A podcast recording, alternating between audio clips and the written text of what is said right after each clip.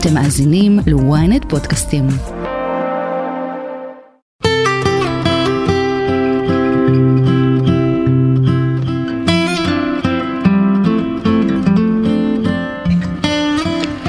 שלום לכולכם וברוכים השבים לתוכנית שיחות בגן עדן, תוכנית על התודעה, החיים ומה שביניהם. גם בימים מוטרפים אלה, ימים של פחד אינסופי וכאב גדול, אנחנו כאן איתכם לדבר, להרים, לחזק ולהיות יחד.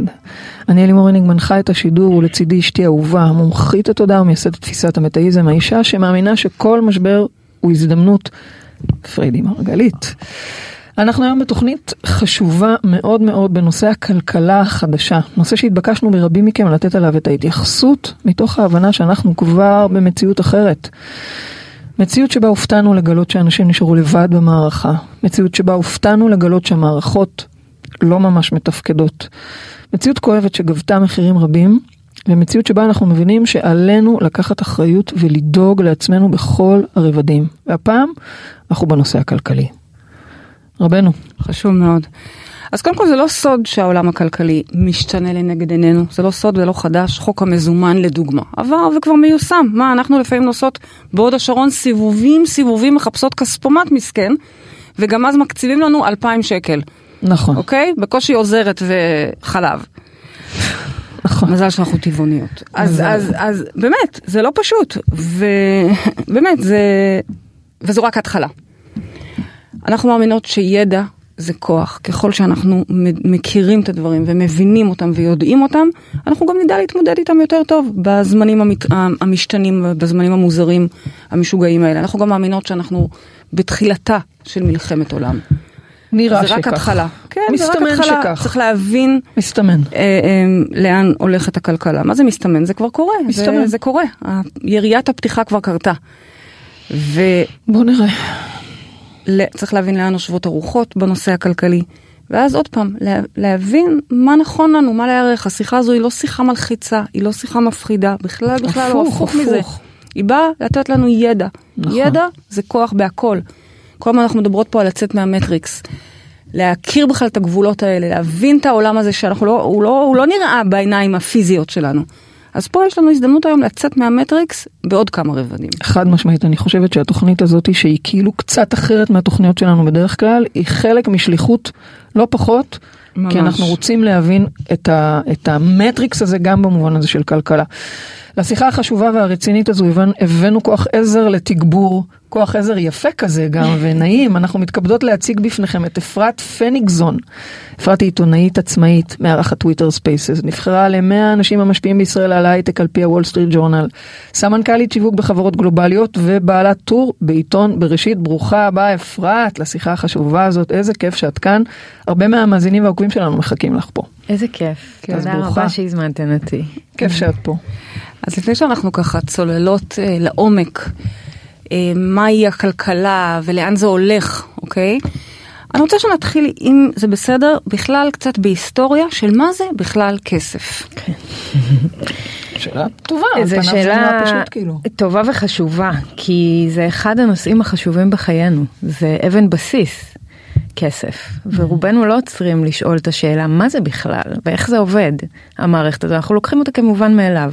אנחנו קמים כל בוקר, הולכים לעבודה בשביל להרוויח כסף, אחר כך הולכים לסופר כדי להוציא כסף, מחפשים דרכים כדי לשמור על הכסף שלנו, כל החיים שלנו הם סביב כסף, נכון. דואגים לילדים שלנו ולעתיד שלהם ומה יהיה עם הכסף שלהם. אבל זה מצחיק ש... ולא לא מלמדים ולא אותנו. לא מלמדים אותנו, ויכול להיות שגם יש לזה סיבה, לא רוצים שנדע כנראה. למה? כסף זו טכנולוגיה, נתחיל מהכי הכי בסיס. כן. כן.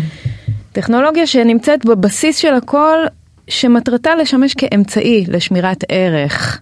אוקיי? קודם כל אנחנו רוצים שיהיה לנו איזשהו כלי שיכול לשמור על הערך של הנכסים שלנו. Mm-hmm. ושנית, ו- וכמובן על פני זמן, שזה ישמור על הערך שלנו על פני הזמן שעובר. ושנית, אמצעי להעברה של ערך על פני המרחב, שנוכל להעביר את הערך הזה ממקום למקום, לילדים mm-hmm. שלנו, אחר כך למדינה אחרת אם נרצה לעבור, או כשעברנו דירה, או לתת לסוחר, צריך שהאמצעי הזה ישרת אותנו. אבל איך נוצר בכלל הכסף? הכסף נוצר אה, על ידי זה, רוב הכסף נוצר על ידי, אנשים חושבים שהבנק המרכזי פשוט מדפיס אותו, יש כזה, אנשים יודעים מה זה בנק מרכזי ויודעים, נכון. הבנק מדפיס כסף, נכון? נכון? כן. אבל זה, זה לא זה בדיוק לא נכון. בדיוק. אוקיי. רוב הכסף שנמצא במערכת הכלכלית שלנו, בסירקולציה, הוא כסף שבעצם נוצר על ידי הלוואה ויצירת חוב. זאת אומרת, בנקים, בנקים, כל בנק, בנק לאומי, בנק, כל הבנקים שאנחנו מכירים, יש להם את הסמכות ואת ההיתר אה, להנפיק הלוואות לאנשים או לעסקים. או לכל מיני גופים, ועל ידי הנפקת ההלוואה הזאת הם בעצם מייצרים דבר שנקרא חוב. ככה נוצר כסף. למה? כי איך זה עובד? הבנק מפקיד 100 שקל ממני, נגיד אני באה לבנק ונותנת לו 100 שקל, הוא מפקיד 100 שקל פנימה, הוא שומר עשרה שקלים מתוך המאה שלי בקופה, זה נקרא רזרבה, ו-90 שקלים מתוך המאה שנתתי לו, הוא יכול, יש לו היתר עכשיו מהמדינה, הוא מלווה לאחרים, וככה הוא יוצר 190 מתוך המאה שלי, הוא יצר עכשיו 190, איזה קסם. ושוב ושוב ושוב, וככה נוצר לנו אקספוננציאלית המון המון כסף במערכת. שהוא לא באמת קיים. הוא לא באמת קיים, זה שורה שנכתבת וואו. אצל הבנקים. עכשיו הדבר הזה, אה, זו, זו מערכת, בעצם 96% מהכסף במערכת נוצר ככה. שאר הכסף נוצר על ידי הדפסה של כסף על ידי הבנקים המרכזיים. שזה גם בעייתי, שמעת נדבר על זה גם. גם okay. אוקיי? שם, ב- ללא ספק, כי הבנקים המרכזיים מדפ... מדפיסים את הכסף עבור הבנקים, שאחר כך mm. הולכים וממנפים, ממנפים, mm. ויש לנו פה גדילה אקספוננציאלית של כסף שיוצרת, כמו שאתן אבל... יודעות, אינפלציה. אבל כך. בעצם אומרת, אם אני רגע שנייה מתעכבת כן. על זה, את אומרת שבן אדם בא שם כסף בבנק, הבנק בעצם משתמש בכסף שלו בשביל להגדיל נכון. לעצמו את הכסף, את הסכום, בזה שהוא מלווה מהכסף שלך, ואם כולנו עכשיו נבוא לבקש את הכסף שלנו בחזרה, לא יהיה לו לתת לנו את זה. בבת אחת, אם כולנו נעשה את זה, קוראים לזה run on the bank, הריצה לבנקים, כן. ואז בנקים קורסים, כי אין להם את ה... הם לא באמת שומרים את כל הכסף שלך ברזרבה, הם שומרים רק אה, אחוז. עשרה אחוז. עשרה, או לא משנה, בכל מדינה זה קצת אחרת. כבר גילינו שגם לא היה עשרה, אוקיי? אבל לא משנה. לכן בנקים כן. קורסים, ככה זה כן. עובד. לכן בנקים עובדים על, על האידיאולוגיה, על השיטה, על הרעיון, שלא כולם יבואו לבקש את הכסף שלהם בבת אחת, mm-hmm. אלא זה יקרה בזמנים שונים, ולכן הם נורא נורא מפחדים.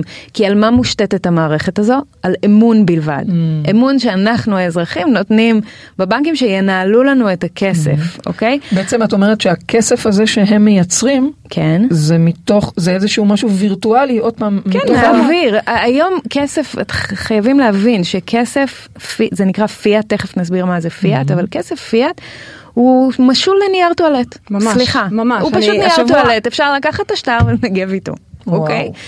אין לו ערך באמת, כי, ואני, ואז אני אעשה צעד אחד אחורה ואקח אותנו להיסטוריה של כסף ואיך זה נוצר כן, שזה ככה. כן, ספרי לנו על זה.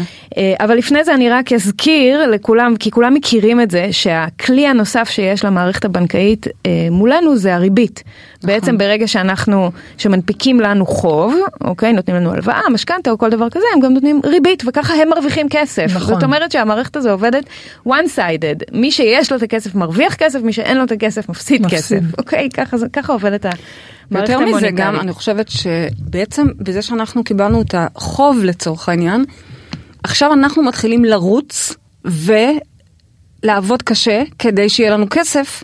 כדי שנשלם את החוב, כדי שנשלם את ה... שזה בכלל כסף שהבנק סוג של עבדות. זה כלומר, העבדות המודרנית, זה מרוץ העכברים הבלתי נגמר. כך בעצם משאירים אותנו בסוג של כלא. נכון, ואנחנו בטח נגיע אחר כך לנדל"ן, אבל העניין הזה של מינוף ומינוף, ובוא ניקח עוד הלוואה ונקנה עוד נכס, ומהכסף שאין נמנף עוד.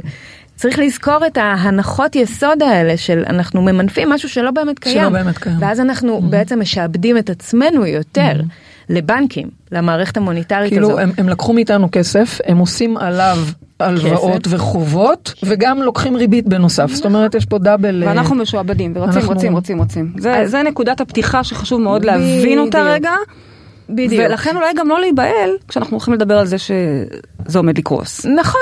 וזה, וזה דבר לטובה. שכבר קרה הרבה פעמים בעבר ובהיסטוריה, mm-hmm. זה בדרך כלל עובד בסייקלים של 80 שנה, שכל mm-hmm. 80 שנה יש התרסקות גדולה, mm-hmm. ואחת, וזה מחולק לארבע, וכל 20 שנה מתוך ה-80 האלה יש התרסקויות קטנות. Mm-hmm. לכן אתה, אנחנו יודעים ושמענו... איפה אנחנו עומדים בזמנים האלה? אנחנו בדיוק בסיום ה-80. בדיוק ה-80? הבנתי, אוקיי. זאת אומרת, יש לנו ממש ככה. יש, okay. אנחנו לקראת ההתרסקות הגדולה עכשיו. ממש ככה. אז בשנת 1944, שזה שימו לב, כמעט mm-hmm. 80 שנה, mm-hmm. וזה לא חייב להיות מדויק כן, על ברור, היום, ברור, אבל ברור, כמעט ברור. 80 שנה, mm-hmm. נוצרה המערכת המוניטרית שאנחנו חלק ממנה היום, מערכת uh, ש, ב, ב, בעזרת uh, הסכמי ברטון וודס. ברטון וודס זה הסכמים שנחתמו ב-1944 בסוף מלחמת העולם השנייה. Mm-hmm. אחרי שהיה הרס גדול בכל העולם, התכנסו כל אה, מנהיגי העולם, ובעצם הם החליטו שהם יוצרים מערכת פיננסית גלובלית חדשה, אה, כשהדולר הופך להיות המטבע השליט. Mm. אוקיי, זה, זה נקרא ה-reserve currency, המטבע החזק. מי החליט שזה הדולר דווקא? היה הסכם, כי הרי בעלות הברית ניצחו, במלחמת העולם השנייה, ארצות הברית, אוקיי, וזה הייתה עלייתה של באמת mm. ארצות הברית בתור ה... ההגמוניה כן. השולטת, בדיוק האימפריה השולטת, mm-hmm. ואז הדולר המטבע השליט הוא מטבע הרזרבה וכל שאר המטבעות של העולם מוצמדים אליו. Mm-hmm. אבל הדולר מוצמד לזהב. נכון. אוקיי? אז עוד היינו אה, איכשהו, בוא נגיד, זה לא היה נייר טואלט לחלוטין, זה היה נכון. באמת מוצמד למתכת יקרה עם ערך. זאת אומרת, הוא היה מחובר לאיזשהו משהו בדיוק, עם ערך. נכס עם ערך. לצורך העניין, אם עכשיו אה, מישהו יש לו שטר של אלף דולר, סתם לצורך העניין, זה כנגד אה, אה, זהב ב, ב, בשווי, בשווי הזה. הזה. ככה היה עד אז. ככה היה אז, אז. נכון. Uh, באותו זמן, בצירוף מקרים מפתיע ממש, ב-1944, מיד אחרי הסכמי ברטון וודס, הוקמו שני גופים, אחד זה הבנק העולמי, mm-hmm. ואחד זה קרן המטבע העולמית, ה-International Monetary Fund, IMF, שזה הגוף שמלווה כסף להרבה מדינות. זאת אומרת, היצירה של המערכת המוניטרית החדשה הזו גם הצריכה גופים כאלה שיוכלו עכשיו לנהל את הכסף בכל המדינות. בשנת 71 קרה דבר גדול, הכריז הנשיא ניקסון בארצות הברית על סוף הצמדת הדולר hmm. לזהב. מאותו רגע הוא אומר, אני אה, מתחיל פה מהיום מערכת מוניטרית חדשה שנקראת מערכת פיאט. פיאט בלטינית זה let it be so, כך היו אומרים בזמנו אה, השליטים או mm-hmm. המלכים, היו אומרים לנתינים שלהם, אני אומר וכך יהיה, let it be so, פיאט, אוקיי? כן.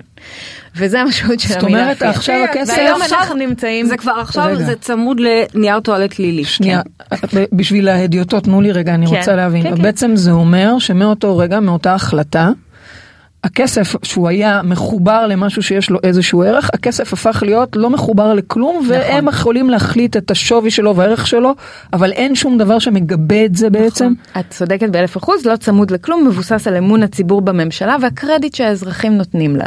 בדיוק. מטורף. כן.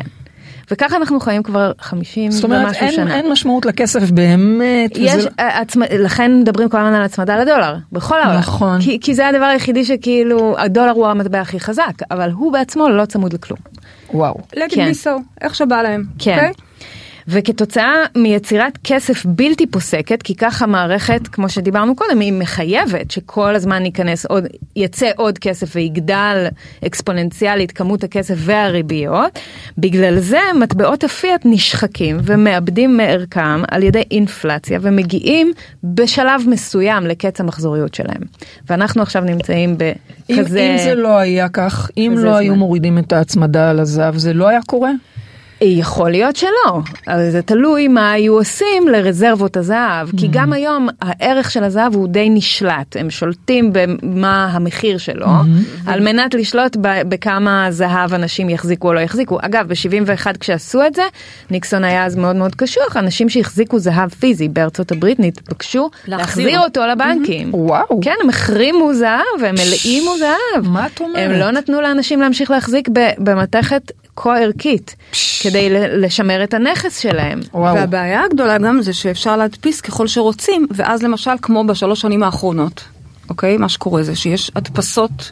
נכון, היסטריות. נכון, כמו שהיה בקורונה. כן. ראינו את זה שממשלות ארצות הברית וישראל הדפיסו כמויות אה, אה, מטורפות של כסף. הנה, יש לי פה דוגמה, ארצות הברית הזריקה בקורונה עד היום מעל 16 טריליון דולר, שזה כמעט 80% מכל הדולרים שהודפסו בהיסטוריה.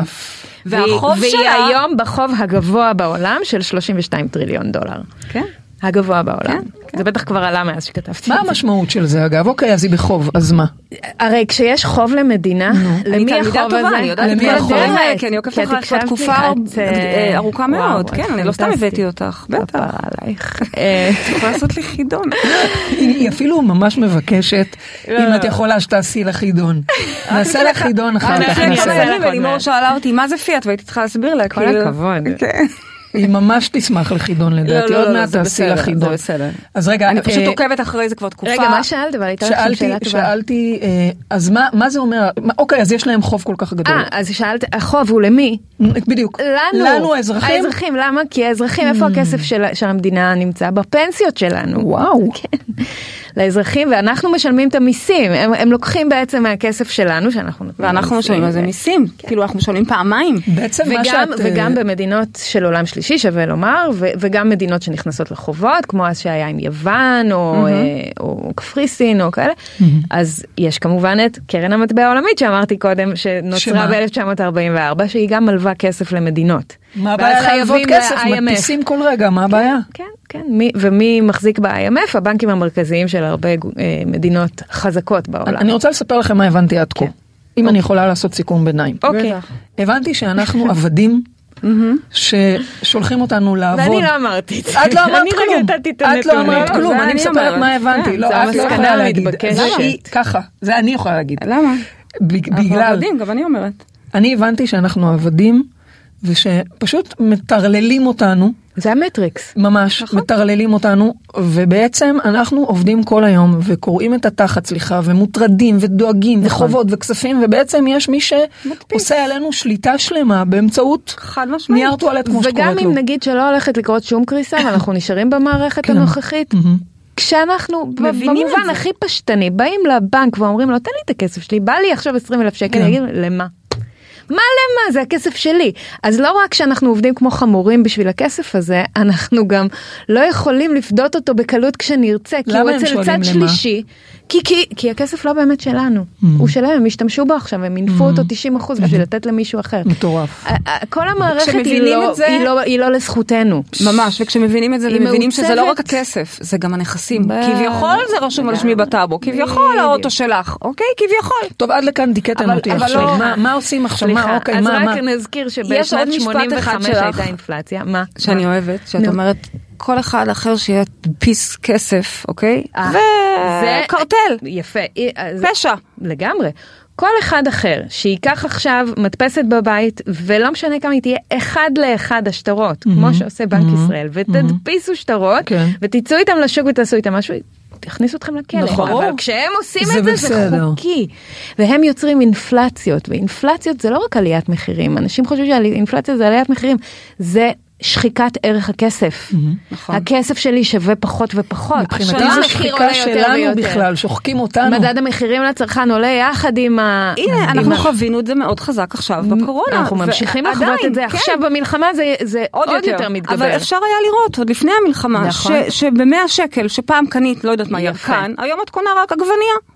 ועוד איזה בננה. נכון. Okay? אוקיי? אז האינפלציה המטורפת שהרבה אנשים זוכרים אם הם היו פה לפני 40 אה, שנה בערך, זה כשהוחלף בשנת 80 הוחלף הלירה לשקל ובשנת 85 הוחלף השקל הרגיל לשקל החדש. Mm-hmm. ב-85 בין 80 ל-85 היו אינפלציות מטורפות ברמה שהכסף uh, כבר היה כל כך לא שווה כלום mm-hmm. שאנשים היו הולכים עם סטפות של עשרת אלפים שטרות של עשרת אלפים שקל. שזה השקל החדש שהוריד רק כמה אפסים כאילו.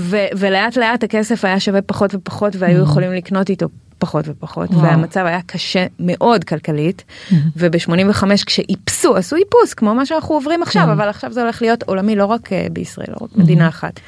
Uh, יכול להיות שלא הכל יהיה בבת אחת אבל זה mm-hmm. תהיה פה קריסה שהיא גלובלית. Uh, זה היה זה היה ממש ממש קשה ועכשיו אנחנו נמצאים שוב במשבר חוב. יש עוד סימנים מעבר לאינפלציה ומעבר לחובות הגדולים שאנחנו רואים, שמעידים לנו על, על, אה, על זה שאנחנו הולכים וקרבים לעבר הקריסה הכלכלית הזאת. זה מה שרציתי מהם... לשאול אותך, את אומרת אה, אנחנו הולכים לקראת משבר אה, כן. קריסה גלובלית, לפי מה, כן. לפי מה את... אז קודם כל אני בעצמי לא כלכלנית ו, ואני לא באה מתחום הפיננסים, אני רק תלמידה טובה שחוקרת ולומדת mm-hmm. ועוקבת מאוד אחרי החלק הזה, כי מה שהניע אותי בעצם זה איך אני שומרת על הכסף שלי. כן. כשהבנתי שזה מה שהולך לקרות, התחלתי ללמוד. ואני לומדת מכלכלנים ואנשי פיננסים. אה, שכולם מגיעים למסקנה. ואת מאוד צנועה, יש לנו הרבה אנשים שעוקבים אחרייך, אה, גם בארץ, נכון. גם בעולם, אוקיי? כן, יש כן, לך פרשנויות. מאוד uh, מעניינות. ולצערי גם מדויקות בהרבה מהמקרים. כן. Uh, הנקודה של איך אנחנו יודעים שאנחנו הולכים לעבר משהו שהוא עולמי, mm-hmm. זה מכיוון ש... דיברנו על הדולר שהוא המטבע החזק ביותר, הדולר עובר כמה מגמות. יש מגמה שנקראת de-dollarization, אה, מגמה שבה מדינות שהן אה, מוחרמות או מוחרגות מההגמוניה האמריקאית, האנגלו-אמריקאית, אה, או ממעצמות נטו, ממעצמות ה-G20 וכולי, mm-hmm. הן כמו רוסיה, כמו סין וכמו... בריקס. הבריקס, יפה, נכון? יש מדינות בריקס ויש מדינות נוספות, איראן mm-hmm. וכולי, הרבה מאוד מדינות שהן לא בחונטה האמריקאית, אוקיי. כן. סובלות מאוד מזה שהן לא יכולות לבצע סחר בסחורות שלהן במטבעות uh, של הדולר, כי החרימו אותם, mm-hmm. נגיד רוסיה, אוקיי, לא יכולה למכור ולקנות mm-hmm. uh, גז או, או נפט uh, עם מדינות אחרות בדולר יותר, כי יש. עליה סנקציות, mm-hmm. וגם הרבה מדינות אחרות, ולכן מן הסתם המדינות האלה לא יושבות שם ואומרות, טוב, אנחנו בעונש, אנחנו עכשיו נמות, נקמול פה וניפול, כן הן מתחילות לסחור בינן לבין עצמן במטבעות שלהן, ביואן, ברובל ובמטבעות אחרים, זה נקרא די-דולריזיישן. אנחנו mm. מתרחקים מהדולר, ואנחנו מתחילים לעשות עסקים בינינו לבין עצמנו, לא mm. בדולר. הדולר יש לו מושג שנקרא פטרו דולר, שזה אומר שהוא, ה, לא רק שהוא המטבע הרזרבה העולמי, הוא גם המטבע שבו הסחר בנפט מתבצע, פטרו דולר, mm-hmm. מלשון petrol. אה, מתבצע בדולר, זה, זה מה שאמור להיות. למה ארצות הברית כל כך אכפת לה פה עכשיו בזמן המלחמה לבצע את כל התיווכים שהיא מבצעת עם סעודיה, שהיא מעצמת הנפט, שסעודיה אמורה לעשות את כל הסחר בנפט שלה בדולר, וסעודיה כבר עושה לארצות הברית, הברית הרבה מאוד uh, אצבע משולשת של סורי, mm-hmm. אנחנו לא בהכרח אה, הולכים לעבוד רק עם הדולר שלך, אלא אנחנו גם נעשה פה סחר עם איראן וסחר עם רוסיה וסחרים עם סין במטבעות אחרים, ולארצות הברית זה לא נוח בכלל. כי ארצות הברית רוצה לשמר את המעמד שלה בתור הגמוניה, ו- וזה לא, זה, זה לא כל כך ארצות הברית כמו הבנקאים האמריקאים, כן. הבנקים, הפדרל ריזרב mm-hmm. וכולי.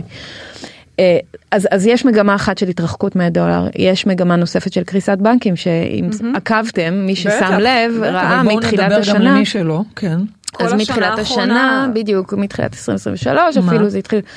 היו מספר בנקים בארצות הברית שקרסו וגם uh, שני בנקים אירופאים, קרדיט סוויס ודויטשה בנק, שהראו קריסות מאוד גדולות, אמנם הם לא קרסו לחלוטין, אבל הם בהחלט uh, היו קרובים לזה, בארצות הברית יש בנקים שקרסו לחלוטין, סיליקון ואלי בנק. אגב, לא, לא מדברים את זה? לא, לא מדברים. סיליקון ואלי בנק, כל מי שנמצא בסצנת ההייטק מכיר את זה היטב, כן. כי סיליקון ואלי בנק היה אחד הבנקים המרכזיים שהלוו כסף, או הסטארט-אפים הישראלים החזיקו חשבונות בנק וכסף, הרבה מאוד כסף. הרבה מאוד כסף. הרבה מאוד כסף. אמנם היו אה, הרבה משקיעים שהזהירו קצת, חלק מהסטארט-אפיסטים הישראלים, תוציאו את הכסף שלכם, זה הולך לקרות, אבל עדיין איבדו הרבה כסף. חלק מהבנקים האלה, סליחה. אנשים גם מתקשים להאמין, אנחנו כבר שנה אומרות לאנשים, תתכוננו, אוקיי?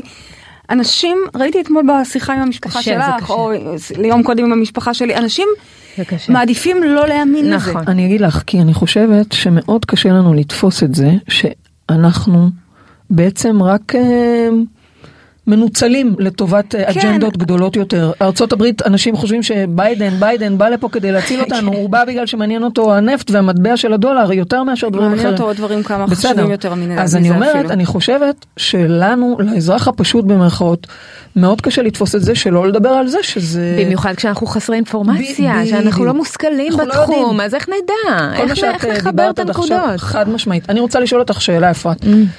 את מתארת uh, מצב... ויש עוד כמה סימנים, אבל אפשר... אוקיי, אני, אני בטוחה שיש לך עוד, אה, אני סומכת על מה שיש לך להגיד, אבל אני, כן. את מתארת, מתארת מצב ש... זאת אומרת, אנחנו, אי אפשר להגיד לא ידעתם, אי אפשר להגיד לא אמרנו לכם, הנה, ישבנו פה, אנחנו מדברות. מה עושים? כן. מה, אז לפי מה שאני שומעת ממך, דחוף דחוף להוציא את הכסף מהבנק. אה, הבנקים כל- קורסים, את אומרת. קודם כל, קודם כל הם קורסים בארצות הברית, לא כל כך מהר הם יקרסו פה בישראל, כן צריך אוקיי. לשים את הדברים ב- אוקיי. בפרופורציה. ולישראל יחסית יש מערכת מוניטרית די יציבה, שהוכיחה את עצמה בעבר. למה את חושבת שזה ייקח אני- יותר זמן? כי אנחנו בסוף, אנחנו אמריקה. לא, אז זה נכון שאנחנו אמריקה, אבל אמריקה לא תקרוס ראשונה, אם כבר אנחנו נקרוס לפניה. כי אוקיי. הדולר דיברנו על זה שהוא המטבע הכי חזק, כולם מוצמדים אליו ולא הפוך. כן, אבל אנחנו ראינו זה זמן. קריסות של איזה מספר זה נכון, בנקים. א- אבל קריסות בנקים הם לא אוטומטית מקריסות את המטבע. בסדר? אה, מדברת מתחילות להקריס את הכלכלה. הבנתי, כן. הבנתי. לאט אוקיי. לאט כאילו זה זה זה לא זה תהליך ואנחנו כבר בתוכו אם אלה, אלה מכם שהתעניינו ללמוד עוד לכו תעקבו אחרי מרק מוס בארצות הברית ביוטיוב עושה עבודה מדהימה או אחרייך. או, אחריי כן, אחריי בעברית, בעברית אבל הכי טוב. זה נכון. אבל אני ממש לא ברמה שלו אני כן ראיינתי אותו לפודקאסט שלי והפרק איתו יעלה בקרוב אה, אבל אה, אה, מרק מראה לגמרי איך הסימנים של ערעור הכלכלה והחלשת הכלכלה מגיעים בסופו של דבר למטבע לזה שהמטבע קורס ובישראל זה ייקח זמן אני לא יודעת כמה זמן ועדיף גם שאנשים חכמים ממני בתחום הפיננסי יענו על השאלה הזאתי אבל זה לא משנה כי לא לשם אנחנו בכלל מכוונות. אבל כן, אבל אנחנו. רק רוצים לדעת. מה אנחנו עושים, זו המגמה, השאלה מתי זה יקרה, לא האם זה יקרה, אוקיי? זה עוד יקרה. פעם, השאלה היא גם מה, איך זה משפיע עלינו ומה אנחנו צריכים לעשות. בדיוק. אוקיי? זה השאלה, איך אנחנו בדיוק. יכולים להיערך. בסוף אנחנו בדיוק. אנשים פשוטים ורוצים לדעת בול. איך להיערך. בדיוק. אז בשביל זה, הכנתי פה. הכינותי איזה מבעוד מועד. ציטטה חשובה. אה, הסיבה היחידה שאנשים מחזיקים כסף היא עבור אפשרות הערך שלו. אם לא היה לו ערך לא היינו מחזיקים בו ובנוסף אנחנו לא יודעים מה הולך לקרות בעתיד במיוחד עכשיו בתקופה כמו עכשיו בכל משבר שקורה כל מצב חירום שקורה יש לנו המון חוסר ודאות אנחנו לא יודעים מה הולך לקרות לכן מה התשובה לחוסר ודאות מהזווית הפיננסית או הכלכלית יצירת אפשרויות מרובות. זו אוקיי. התשובה אוקיי. אוקיי ביזור לבזר ולהחזיק את הכסף שלנו בכמה שיותר אופציות שונות ואפשריות כדי לייצר כמה שיותר אפשרויות להקטין ככה את הסיכונים ולא לשים את כל הביצים בסל אחד. את מתכוונת למשל להשקיע בנדל"ן, לקנות ביטקוין ולקנות זהב, כזה ו- אז, מיליון. אז קודם כל להתחיל מ... וזה תמיד אה, בתור אשת שיווק זה הדבר שתמיד הייתי אומרת לצוותים ש, שלי שהייתי עובדת איתם כשהם היו באים אליי עם איזושהי בעיה הייתי אומרת להם קודם כל אנחנו מתחילים בלמפות את המצב הקיים. מה יש לי מה יש לי עכשיו אז מיפוי נכסים מה יש לי יש לי ככה בנדל"ן ככה בבנק ככה בקרנות אה, השתלמות ככה בגמל פנסיה וכולי וכולי וכולי לעשות מיפוי ממש באקסל. שיהיה לנו איזה פאי שנדע כמה אחוזים זה- מהפורטפוליו שלנו זה חשוב. זה מאוד לא, מאוד כי- חשוב כי לא אנשים לא כולם יודעים יודעים, להגיד בדיוק. כמה נכון. הם פתאום מופתעים לגלות שלא יודעת מה אה, אה, 20 אחוז מהכסף שלהם נמצא לא בנדל"ן ולא בבנק וכאילו 20 אחוז זה, זה מעט מאוד אני רוצה יותר כאילו כל אחד עם כן. ה...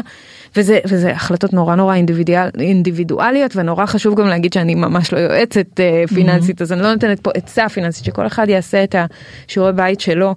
אבל קודם כל לעשות מיפוי נכסים מה יש לי וכמה יש לי ואיך הייתי רוצה שהתיק שלי הפורטפוליו שלי ייראה. אם אני הולך לעבר עכשיו אה, הזזה של הערך שלי ממקום אחד לאחר דיברנו על אפשרויות מהאפשרות הזו לאפשרות הזו. פדיון של קרנות או ביטוחי מנהלים או קופות גמל אם יש לנו וזה אפשרי והן נזילות ואני לא צריך עכשיו לשעבד 30% מס למדינה לנסות לפדות זה אחד הדברים שאני עשיתי לאחרונה ואני ממליצה אם אפשר. כן, הרבה אנשים שואלים על זה. עכשיו זה לא, ש... אגב- זה לא שהמוצרים הפיננסיים האלה לא ייצרו עבורנו כסף על ידי ריבית בזמן הקרוב הם עשויים לייצר אבל קצב האינפלציה הוא כל כך גבוה שזה יאכל את זה. השחיקה של הכסף שלפעמים זה מתאפס ולפעמים זה גם משאיר אותנו במינוס. אני בקרן פנסיה שלי איבדתי הרבה מאוד את כסף אומרת? ב-2023 ברור היה הקרנות פנסיה עשו עבודה גרועה בשנה שעברה.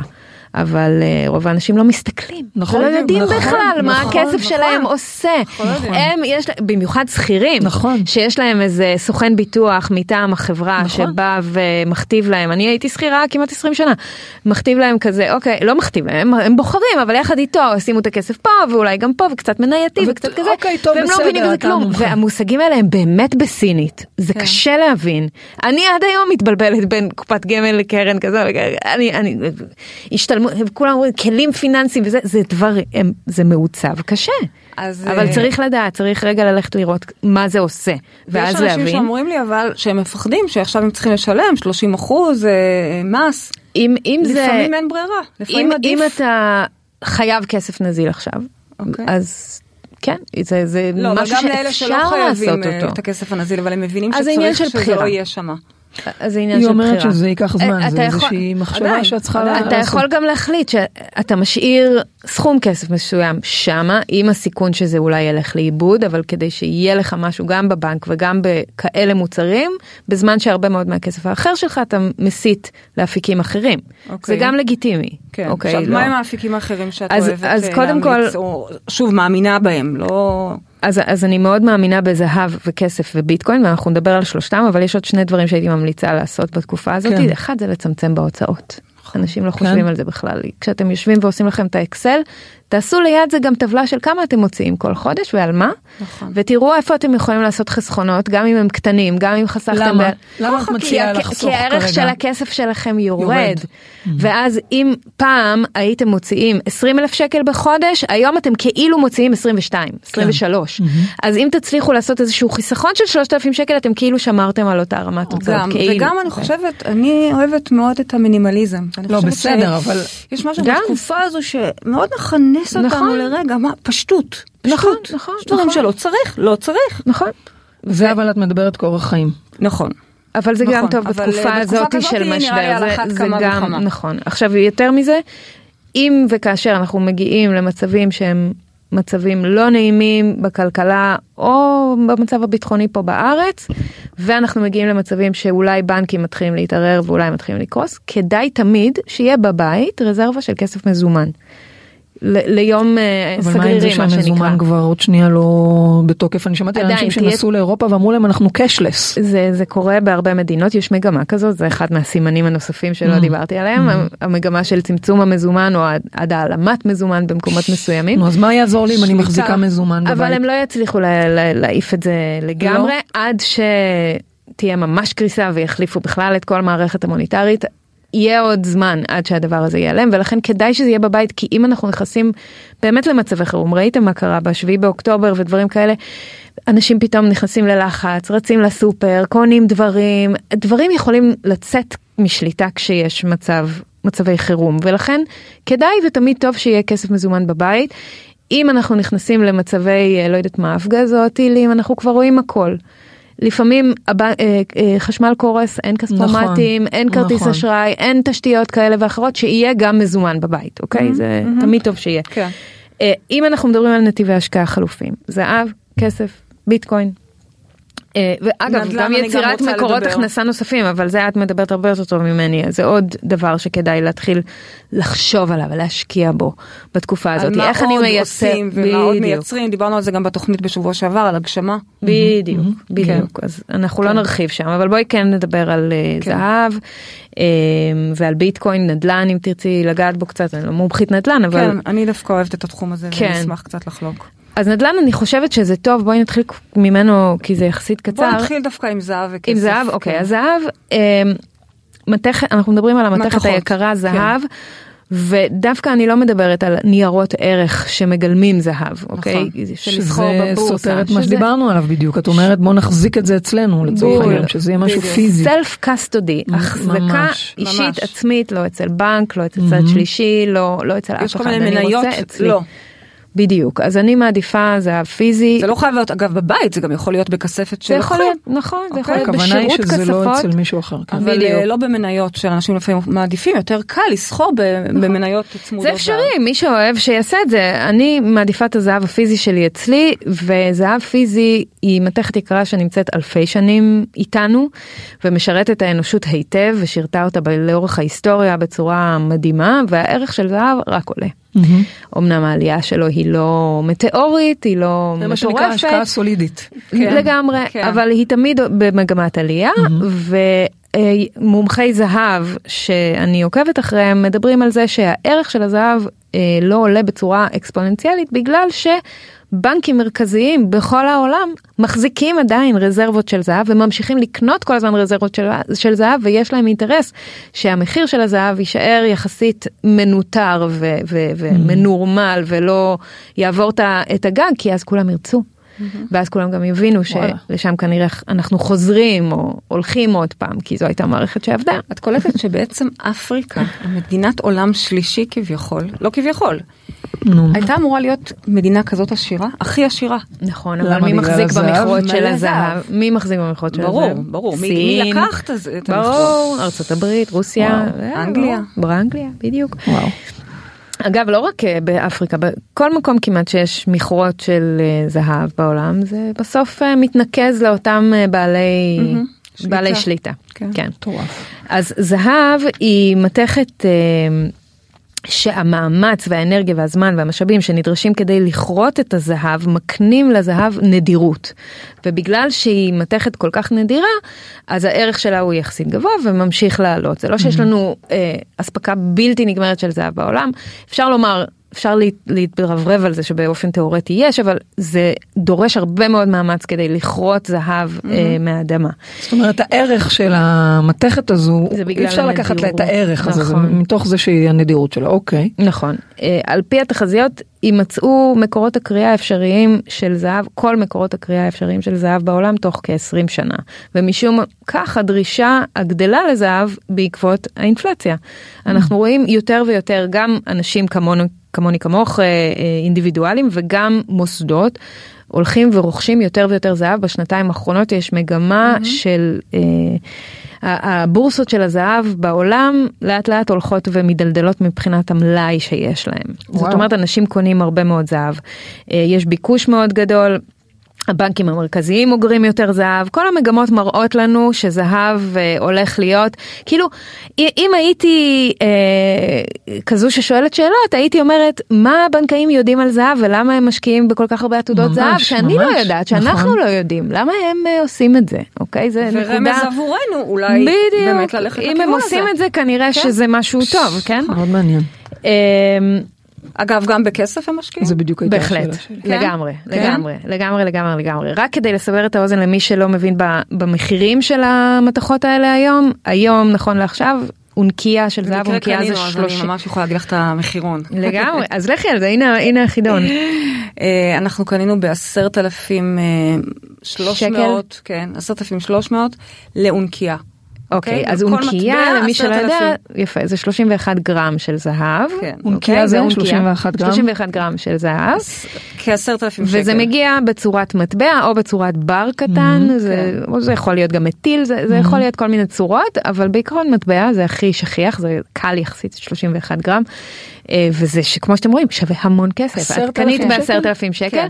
אפשר לקנות בפחות בארץ, אה, אם מורידים את המע"מ, כי ישראל היא אחת המדינות היחידות שלוקחת מע"מ 17% על קנייה של זהב.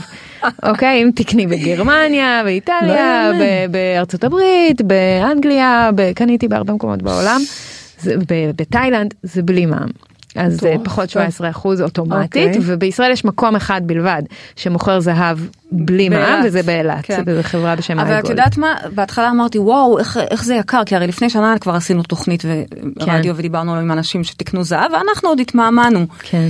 ועכשיו ממש בתחילת המלחמה עשינו את זה והתבאסתי איך זה עלה ואז אמרתי עזבי זה לא רלוונטי זה זה פינאץ שזה קצת זה לא עלה, כל כך משנה. זה לא משנה. כי זה, לא זה יעלה עוד. גם כי זה יעלה עוד אבל גם וגם כי זה שומר לך על הערך. צריך את זה זה שומר לך על הערך של הכסף בעוד שכשתשאירי אותו בבנק זה רק ילך ויפחת. אמרתי מהר תקני כי בעוד שנה זה יהיה עוד יותר. בדיוק לגמרי.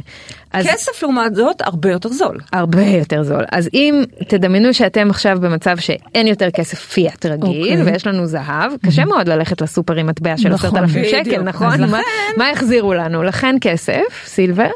שזה אה, אונקייה 31 גרם שווה 150. אה, עולה לא שווה עולה ב-150 בערך 23 דולר לאונקייה מחיר הספוט ספוט זה המחיר הבורסאי כן. של הזהב ושל הכסף בעולם אז כל פעם שאומרים לכם ספוט פרייס או מחיר הספוט זה המחיר הבורסאי אז היום זהב זה בדרך כלל זה היום בערך 2,000 דולר mm. 1980 דולר 2,000 דולר זה נע כזה פחות או יותר 2,000 דולר לאונקייה וכסף הוא 23 4 5 דולר אונקיה.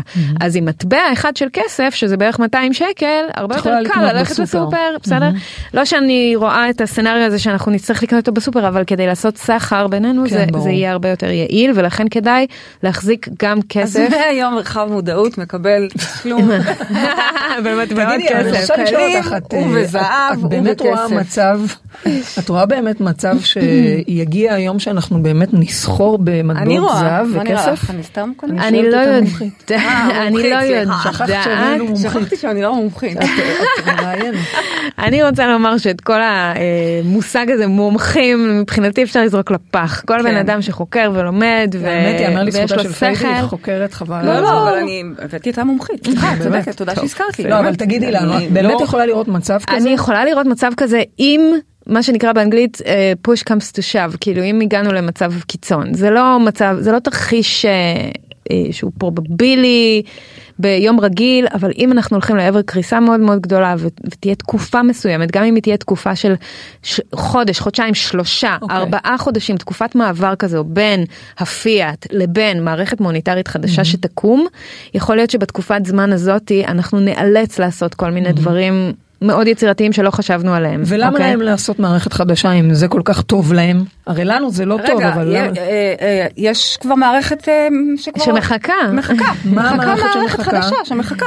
זו מערכת שנקראת CBDC, Central Bank Digital Currency. אוקיי, בוא נדבר על זה. המערכת כבר מחכה, בדיוק. זה כמו שהם אוהבים מאוד לעשות. כסף, הבנו. פחות או יותר הבנו, כן. כן. אני אגיד מה החיסרון של כסף וזהב, חשוב להגיד את זה, כן. קשה מאוד להעביר אותם במרחב. נכון. דיברנו על זה שמאפיינים של כסף זה גם שימור ערך וגם העברה במרחב, זה כבד. כן, חבל הזמן. במיוחד כסף, כן, היות והוא זול יותר, אתם קונים הרבה כסף, זה מה זה כבד, mm. ולקחת את זה איתכם כשאתם טסים עכשיו לחו"ל. זה חוקי להעביר את זה בחו"ל? כן, כן, כן. אין בעיה להעביר מתכות? לא, אין בעיה, אוקיי. אבל זה כבד. כבד. וזה לא, וגם זה יכולים לגנוב. בטח. זה לא נוח, זה לא נעים, זה חיסרון של כסף וזהב, צריך לדעת את זה. אוקיי. בסדר? אוקיי, אני מסתכלת על השעון, בוא נתקדם CBDC. נתקדם ל-CBDC. אז, אז CBDC באנגלית, Central Bank Digital Currency, אוקיי. בעברית, אה, מטבע דיגיטלי של בנק מרכזי. כלומר? כלומר, בואי נקצר את זה, שקל דיגיטלי. כן, אוקיי? כל העולם היה לך, היה לך פעם שקל, אחר כך היה לך שקל חדש, עכשיו יש לך שקל דיגיטלי. בעצם זה מטבע אחד לכולם אבל, זו הכוונה? אז, אז אנשי הכספים של העולם, אלה ששולטים בכסף, mm-hmm. אוהבים לקרוא לזה מערכת מוניטרית. Mm-hmm. אני אומרת, וגם הרבה אחרים אומרים, שזה בכלל לא מערכת מוניטרית, זו מערכת טכנולוגית mm-hmm. לשליטה.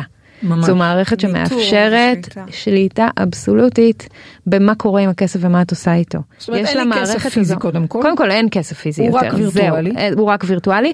אני כן אומר שהמאפיינים של ה-CBDC מאוד דומים לפיאט, זאת אומרת אותם אה, עקרונות של פיאט חלים גם על CBDC מבחינת החוב והריבית וכל הדברים שאנחנו מכירים, האינפלציה וכולי, אבל, זאת אומרת זה, זה יחול על, על המערכת הזו, אבל בנוסף, גם אפשר להכיל על זה עוד אה, חוקים, עוד דברים קשים עוד ולא נעימים לנו. פשוט קודם כל כי עצם זה שזה וירטואלי ונמצא בתוך המערכות שלהם, אז יש להם דרך לדעת כל צעד שלנו ואף להחליט אם אנחנו יכולים להשתמש בכסף או לא, העניין. כן? לגמרי, אה, כמו שאומר אה, אוגוסטין קורסטנס שהוא מנכ"ל הבנק להסדרים הבינלאומיים, עם CBDC תהיה לבנקים המרכזיים שליטה מוחלטת על הכללים ועל התקנות שיקבעו את השימוש ואת המימוש של שיטה זו, את האחריות להפעלתה וכן תהיה להם גם היכולת הטכנולוגית לאכוף אותה. כלומר, אני מצטטת אותו. בוא ניתן דוגמה, דוגמה אמיתית שקרתה. הנה, הנה דוגמה, תאילנד. פריידי מרגלית. אה, אוקיי. לא, אני חייבת שהיא תגיד.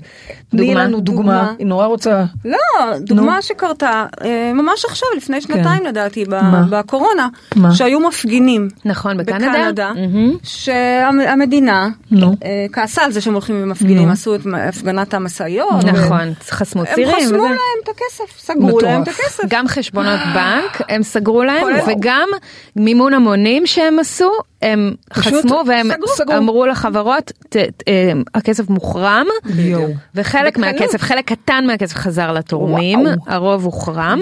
הכסף היחידי אגב, שהצליח לעבור למפגינים האלה, זה ביטקוין, ואולי בסוף יהיה לנו זמן לדבר גם על ביטקוין. לי. ומה את רצית לתת דוגמה על תאילנד? אז אני רוצה לתת דוגמה של CBDC כן. בתאילנד, זאת אומרת שאנשים יגידו, לא. היא סתם מדברת, היא סתם אומרת, קודם כל לכו לאתר של בנק ישראל ותקראו את כל ה-white papers שלהם. על, בכל כן, ההודעות הכל לעיתונות כתוב. על השקל הדיגיטלי, אני לא ממציאה כלום, אני עוקבת אחרי זאת בנק אומרת, זה הולך ישראל. להגיע מתישהו בקרוב. בקרוב. ברור, מאוד, יש המלחמה לזה כבר timeline. זה חלק מחוק סגן המזומן? הנגיד של בנק ישראל כבר הכריז באירוע שאני הייתי בו בגופי, בבורסה לניירות ערך, הוא הכריז מעל הבמה שה timeline הוא סוף 2024 הם הולכים להציג את המסמך אפיון המלא של המערכת, ו- וזה הולך... וזה זאת בעצם יהיה. במקום גם מלחמה יכולה להקדים את זה. ברור, וזה יהיה תמיד מצבי ה- חירום אה, מזרזים אה, בדיוק. תהליכים. וזה בעצם יבוא במקום המזומן? כן. לא אה, יהיה מזומן? הם, הם אומרים שלא, אני צריכה להגיד את מה שהם אומרים, הם אומרים שלא, שכן. אבל uh, זה יצומצם. בסדר? הנה, אפילו עכשיו, וזה מה? לא משנה גם אם זה גם אם הם לא יבטלו את המזומן ברגע שהם באים והם אומרים לך את עכשיו את הארנונה שלך חייבת לשלם בשקל דיגיטלי ואת המיסים ואת הקנסות ואת, ואת המשכורות הם כותבים את זה ב, אה, במסמכים שלהם ש, שאני מנתחת בעיתון בראשית שמה? הם כותבים ש... הסקטור הראשון שהם יכניסו אותו לתוך CBDC יהיה המגזר הציבורי שאני אני לא זוכרת אם זה 50% מהעובדים בישראל זה המון המון עובדים בישראל המשכורות שלהם ייכנסו ב-CBDC הם אומרים את זה במסמך והם גם אומרים, אה, אל תדאגי, את לא צריכה לשלם, אנחנו פשוט ניקח. זה גם. לא נחסוך לך? את הדוגמה. בתאילנד, אז בתאילנד התחילו ממש לפני חודשיים או חודש אה, פיילוט של CBDC, אה, שכל אזרח תאילנדי מעל גיל 16 מקבל בארנק הדיגיטלי החדש שלו מהמדינה 280 דולר, שכמו שאתם יודעות בתאילנד זה הרבה מאוד נכון. כסף, אה, לאפליקציה של הארנק הדיגיטלי, הוא חייב להשתמש בכסף תוך שישה חודשים, ברדיוס של ארבעה קילומטר ממקום המגורים. זאת אומרת שיש להם פה שליטה גם על ה...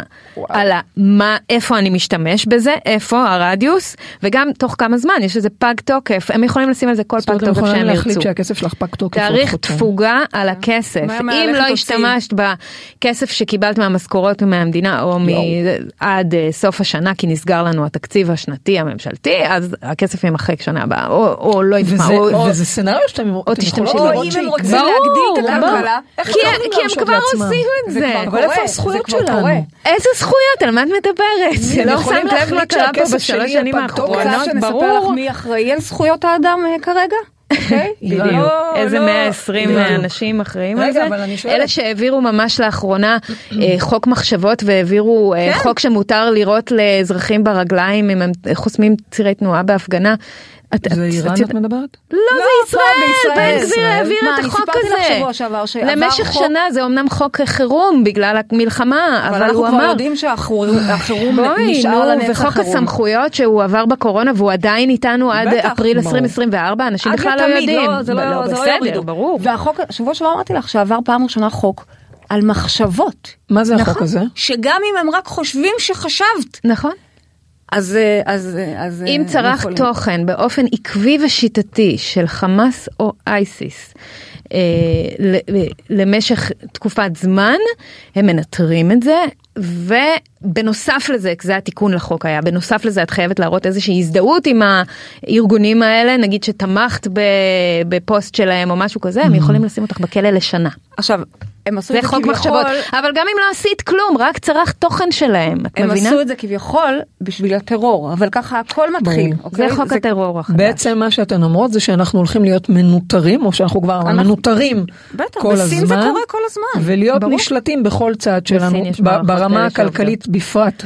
הם עובדים לפי מערכות של אה, הפורום הכלכלי העולמי, ה-World Economic Forum, שמתוות להם אה, הרבה מאוד, אה, גוף, הרבה מאוד מדיניות, סוגי מדיניות שהם צריכים לעשות, ויושב ראש הפורום הכלכלי העולמי, קלאוס שוואב, כל הזמן אומר שהמודל שלו זה סין, סין היא, היא ה blueprint, היא המודל, וממנה, עליה אנחנו מסתכלים וכמוה אנחנו רוצים להיות, וסין, זה לא ישמור מה נתפס. זה לא. נתפס. אני רוצה, בגלל אני פה עם העין על השעון, אני רוצה לקדם אותנו לנושא באמת של הביטקוין וכאלה, כי יש לנו הרבה באמת יש לי בקשות שאלה לשמוע על בנושא זה. הביטקוין.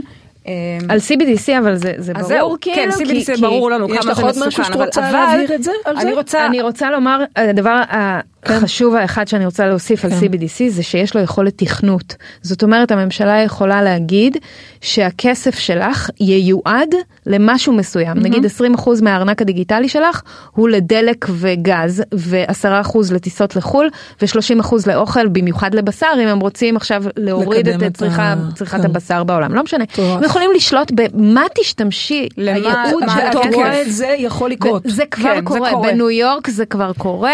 אני יכולה לתת דוגמאות, אבל הכל נמצא בטורים זה לגמרי כבר לא, קורה, זה, לגמרי לא, הולך לשם וקורה, אבל אני רוצה לשאול... זה לא נתפס, אז נכון, אתן אומרות זה כבר קורה, אתן לא מדברות פה דברים הזויים. לא, בכלל לא, לכו תקראו וזה כתוב. צריך רק להסתכל על איזה דברים עוברים בברזיל, באוסטרליה, בניו יורק, בהרבה מאוד מקומות אחרים בעולם, אני עוקבת אחרי כל המקומות האלה, ומדברים על זה. אפילו בפיילוטים של CBDC, יש פיילוטים שמדברים על הפחתת אה, פליטות פחמן, נכון. ולכן הם יגידו לכם שאתם יכולים פחות לטוס, פחות לצרוך בשר, אוקיי. פחות זה, פחות זה. כן, עוד איזה המצאה שקרית של כן, כן, שפחמן דו חמצני הפך להיות הדבר המסוכן ביותר בעולם. כן. כן. גז כן. החיים שנותן כן. לנו טבע וירוק ועצים. אז אני רוצה לשאול אותך, כן. איך בעצם ביטקוין שונה מזה? אוקיי, אז, אז ביטקוין הוא מטבע דיגיטלי, גם. Mm-hmm. נכון גם CBDC אמרנו שהוא mm-hmm. דיגיטלי אבל נכון. CBDC הוא בשליטה של, של הממשל של הממשל אבל יותר מזה הוא בשליטה של הבנק המרכזי mm-hmm. המילה מרכזי היא מאוד חשובה פה כי יש מישהו אחד שמרכז לעצמו. את כל השליטה יש גוף אחד. שהוא אחראי והוא מחליט. אגב כמו שקורה בבריאות אוקיי לגמרי וכמו שקורה הכל הולך לדבר הזה כן. של של אה, ריכוזיות centralization אוקיי globalization ו centralization לעומת זאת ביטקוין הוא מטבע מבוזר. דיברנו קודם על איך אנחנו מבזרים את ההון שלנו לכל mm-hmm. מיני אפיקים. ביטקוין בעצמו יושב על תשתית שהיא מבוזרת. זאת אומרת, אין מחשב אחד, אין גוף אחד, אין חברה אחת ואין מנכ"ל אחד שיושב ב, בראש חברת ביטקוין, אין דבר כזה. ביטקוין פרוס על, על גבי רשת האינטרנט. כמו שהאינטרנט שלנו הוא מבוזר, נגיד אם היום אני אגיד לכם לכו תסגרו את האינטרנט, אין דבר אין כזה. אפשר לסגור שרת כזה, שרת זה, mm-hmm. אולי ynet תוריד, mm-hmm. ישראל תוריד, אבל אי אפשר לכבות את כל האינטרנט. Mm-hmm. והאינטרנט עובד באופן מבוזר mm-hmm. על ידי המון המון צמתים של מידע שמועבר בכל העולם. אוקיי? אבל הביטקוין הוא, בעצמו וירטואלי. וביטקוין אותו דבר עובד על אותה, על אותה טכנולוגיה שנקראת בלוקצ'יין שהיא מבוזרת mm-hmm. והמידע בה עובר בין המון המון שרתים ואי אפשר לכבות אותה ואף ממסד ואף ממשל. לא יכולים? לא, אין, כי אין, אין איך לכבות. אני אגיד לך, כי אני שמעתי למשל על ריפל, על המטבע של ה-XRP למשל. אבל ריפל זה לא ביטקוין. או, שהם אומרים שדווקא שם, כי זה אין סיכוי שהממשלה תיגע, ויש שם המון... אה, אז אני לא יודעת לדבר על ריפל ספציפי, לא, אבל בואי כן. נעשה את ההבדלה או את ההבחנה בין ביטקוין לאחרים. לבין קריפטו, מטבעות קריפטו. יש כן, מלא. מלא מטבעות קריפטו והרבה מהם גם קרסו בשנים mm-hmm. האחרונות. Mm-hmm. אנשים ששמו כסף על קריפטו ראו את זה אחר כך מתרסק או נעלם או מי ששם על XRP זה. זה חבל על הזמן. דווקא הוא לא קריפטו זה משהו שאנחנו מאוד מתעניינות בו. מתעניינות וכדאי כן. להימנע ממנו המנכ"ל אה, סאם בנקמן פריד אה, הלך, אה, קיבל עכשיו גזר דין של לא זוכרת כמה שנים בכלא על ההונאת פונזי שהוא עשה עם XRP, ניפח בועה וזה לא באמת? דבר אמיתי. אז כן. תבחיני בין זה לבין אבל ביטקוין. אבל ההבדל בין ביטקוין לקריפטו, ההבדל המרכזי ביניהם הוא שלקריפטו, ובטח לא יאהבו אותי כל אנשי הקריפטו בעולם עכשיו, אבל זה בסדר. אה, תצטרפו לשאר האנשים שלא אוהבים אותי, אבל קריפטו יש לו אבא ואמא, יש חברה שיצרה מטבע מסוים ולכן אם ממשלה רוצה תיאורטית עכשיו לסגור את המטבע הזה היא באה למי שעומד בראש החברה הזאת ואומרת לו אתה אדוני כמו סאם בנקון פריד הולך לכלא עכשיו והמטבע שלך מבוטל ובן לילה אה, המטבע הלך. קורס והכסף mm-hmm. של אנשים שמושקע שם הולך הביתה. וביטקוין הוא לא קריפטו? וביטקוין הוא גם מטבע קריפטו okay. אוקיי. אבל יש לו עקרונות אחרים אין לו אבא mm. ואמא המציא אותו מישהו בשם סטושי אה, לפני 15 שנה אה, ב- התחיל את העקרונות שלו כשכתב white paper והעביר אותו לקבוצת מפתחים בקוד פתוח אפשר לראות את הקוד של mm. ביטקוין בכל מקום והם פיתחו על גבי מה שהוא העביר ויצרו בעצם אה, פרויקט של קוד פתוח שהמון מפתחים מכל העולם עובדים עליו אין mm. מישהו אחד אין חברה אחת אין אה, גוף אחד מספיק שתורידי את השרת הזה יעלה שרת משפט אחר אי אפשר אי אפשר לסגור את הדבר הזה אלא אם כן את מכבה את כל האינטרנט לתמיד okay. אוקיי. ואז יהיו גם עוד המון קריסות של דברים אחרים. הביטקוין הוא כמו שדיברנו על זהב מקודם גם הוא נדיר. מבחינת נדירות יש לו מכסה מוגבלת של 21 מיליון ביטקוין בעולם לא יהיה אף פעם יותר מזה. Mm-hmm. אז כמו זהב גם הוא יש לו נדירות. Mm-hmm. יש חברות שקורות כמו שקוראים זהב. Mm-hmm. קוראים ביטקוין, אוקיי? על ידי אלגוריתמים מתמטיקאים. יש חברות קריאה שזה מה שהן עושות, כן, והם קוראים ביטקוין, הם משתמשים באנרגיה עבור זה, חשמל, אה, כדי להיות מסוגלים אה, לקרות ביטקוין, ונשאר, קרו כבר בערך 19 וחצי מיליון ביטקוין מתוך ה-21 מיליון, זה לקראת הסיום, ואז נגיע למצב שהדבר הזה הולך ונהיה כבר עכשיו יותר ויותר נדיר, יותר שווה יותר ויותר. אז את ממליצה גם היום, אני הסתכלתי על הביטקוין, ראיתי כל כך יקר. גם היום כשהוא נורא יקר. כן, עדיין את ממליצה? לגמרי, ואני אסביר למה. כן? כן, כן, כן. קודם כל, אחד ביטקוין, למי שלא יודע, היום שווה בדולרים, בפיאט, נייר טואלט, 37 אלף דולר. מטורף. אבל זה כל הזמן משתנה, נכון. הוא, הוא לא יציב יחסית לדולר. נכון. אה, הוא עולה ויורד, אבל אם תסתכלו על הגרף שלו מיום הקמתו לפני 15 שנה ועד היום, הוא רק מגמה. במגמת עלייה. Mm-hmm. הוא התחיל ב-100 דולר, בכלום, הוא התחיל בכלום, ועלה מאוד מאוד יפה וטיפס, כולם זוכרים את 2017 שהוא עשה שם קפיצה. הוא אפילו הגיע, הערך הכי גבוה שלו שהוא אי פעם הגיע אליו, המחיר הכי גבוה, זה היה 69 אלף דולר אם אני לא טועה. וואו. ואז הוא ירד שוב, נכון. היום הוא על 37 אלף. Mm-hmm. אני קונה בכל מיני מחירים, לא אכפת לי מה המחיר, אני קונה. מה את אומרת? כן, כי מבחינתי ביטקוין זה אותו דבר כמו זהב. אוקיי. היתרון של ביטקוין על זהב זה שקל להעביר אותו במרחב, נכון. הוא לא כבד, אין mm-hmm. בעיה. החיסרון של... הוא שזה לא אצלי במובן של... במובן הפיזי שאני יכול להחזיק. של, ו... לא יודעת, כן, כן. ולקחת אותו איתי, אוקיי, וגם החיסרון את... הוא כאילו טכנולוגי, מי שמפחד מטכנולוגיה, עוד לא כן. לא הבין את כל ה... אז את קונה בתוך ארנק דיגיטלי שלך? אפשר או ארנק דיגיטלי או ארנק חומרה, שזה 아. אה. נראה כמו USB סטיק כזה. ואת מעדיפה, מה, מה את מעדיפה? ועדיף לדעתי את ה-USB בגלל שזה רמת אבטחה גבוהה יותר ואז קשה יותר לפרוץ לזה.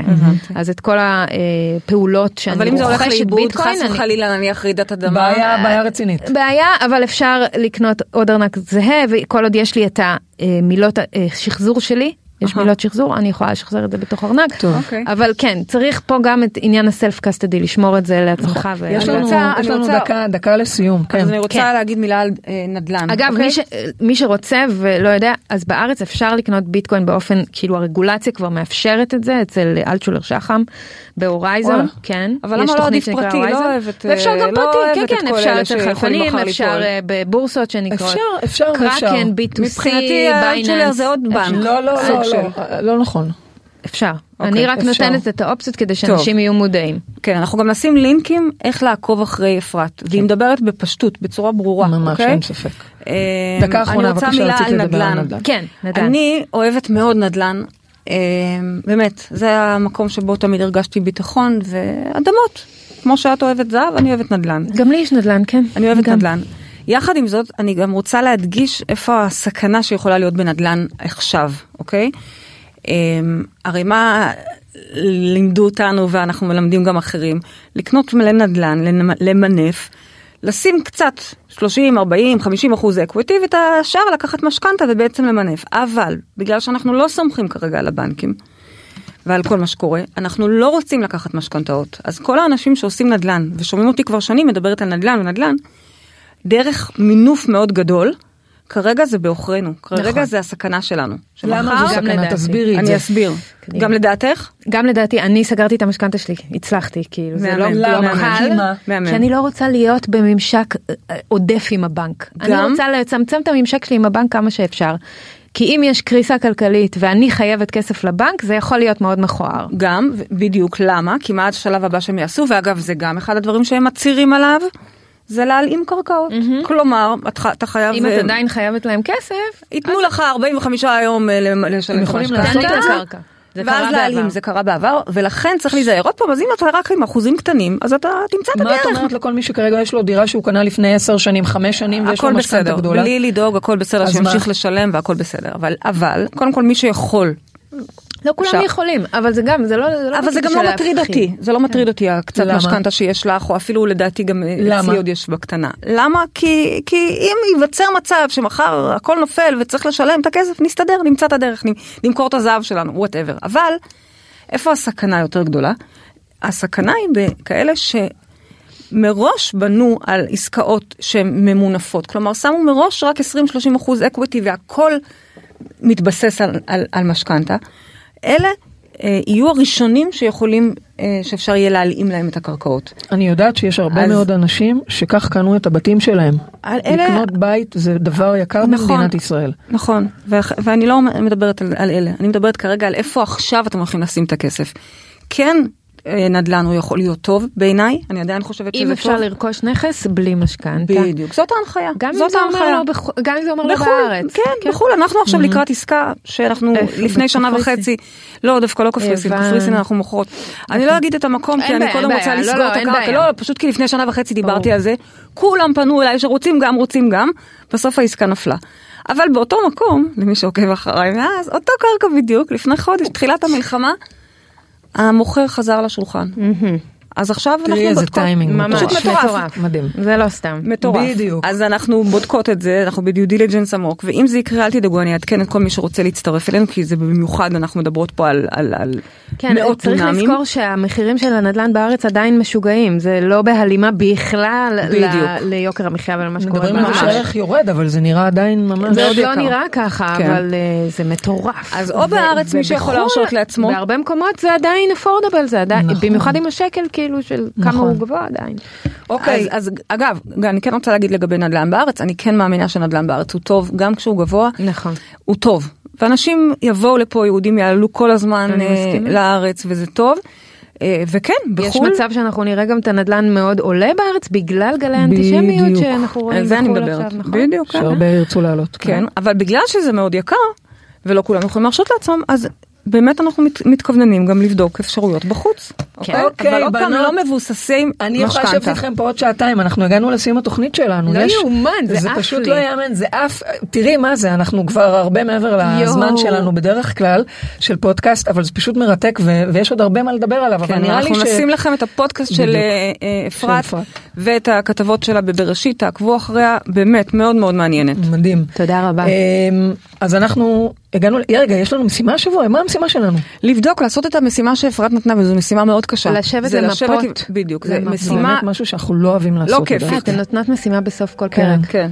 למפות, זה ממש חשוב. יופי, שבו לכם עם אקסל ותכתבו גם דברים כמו קרנות פנסיה נכון. וכל מיני... תיכנסו לאתרים של חברות הביטוח ותבדקו.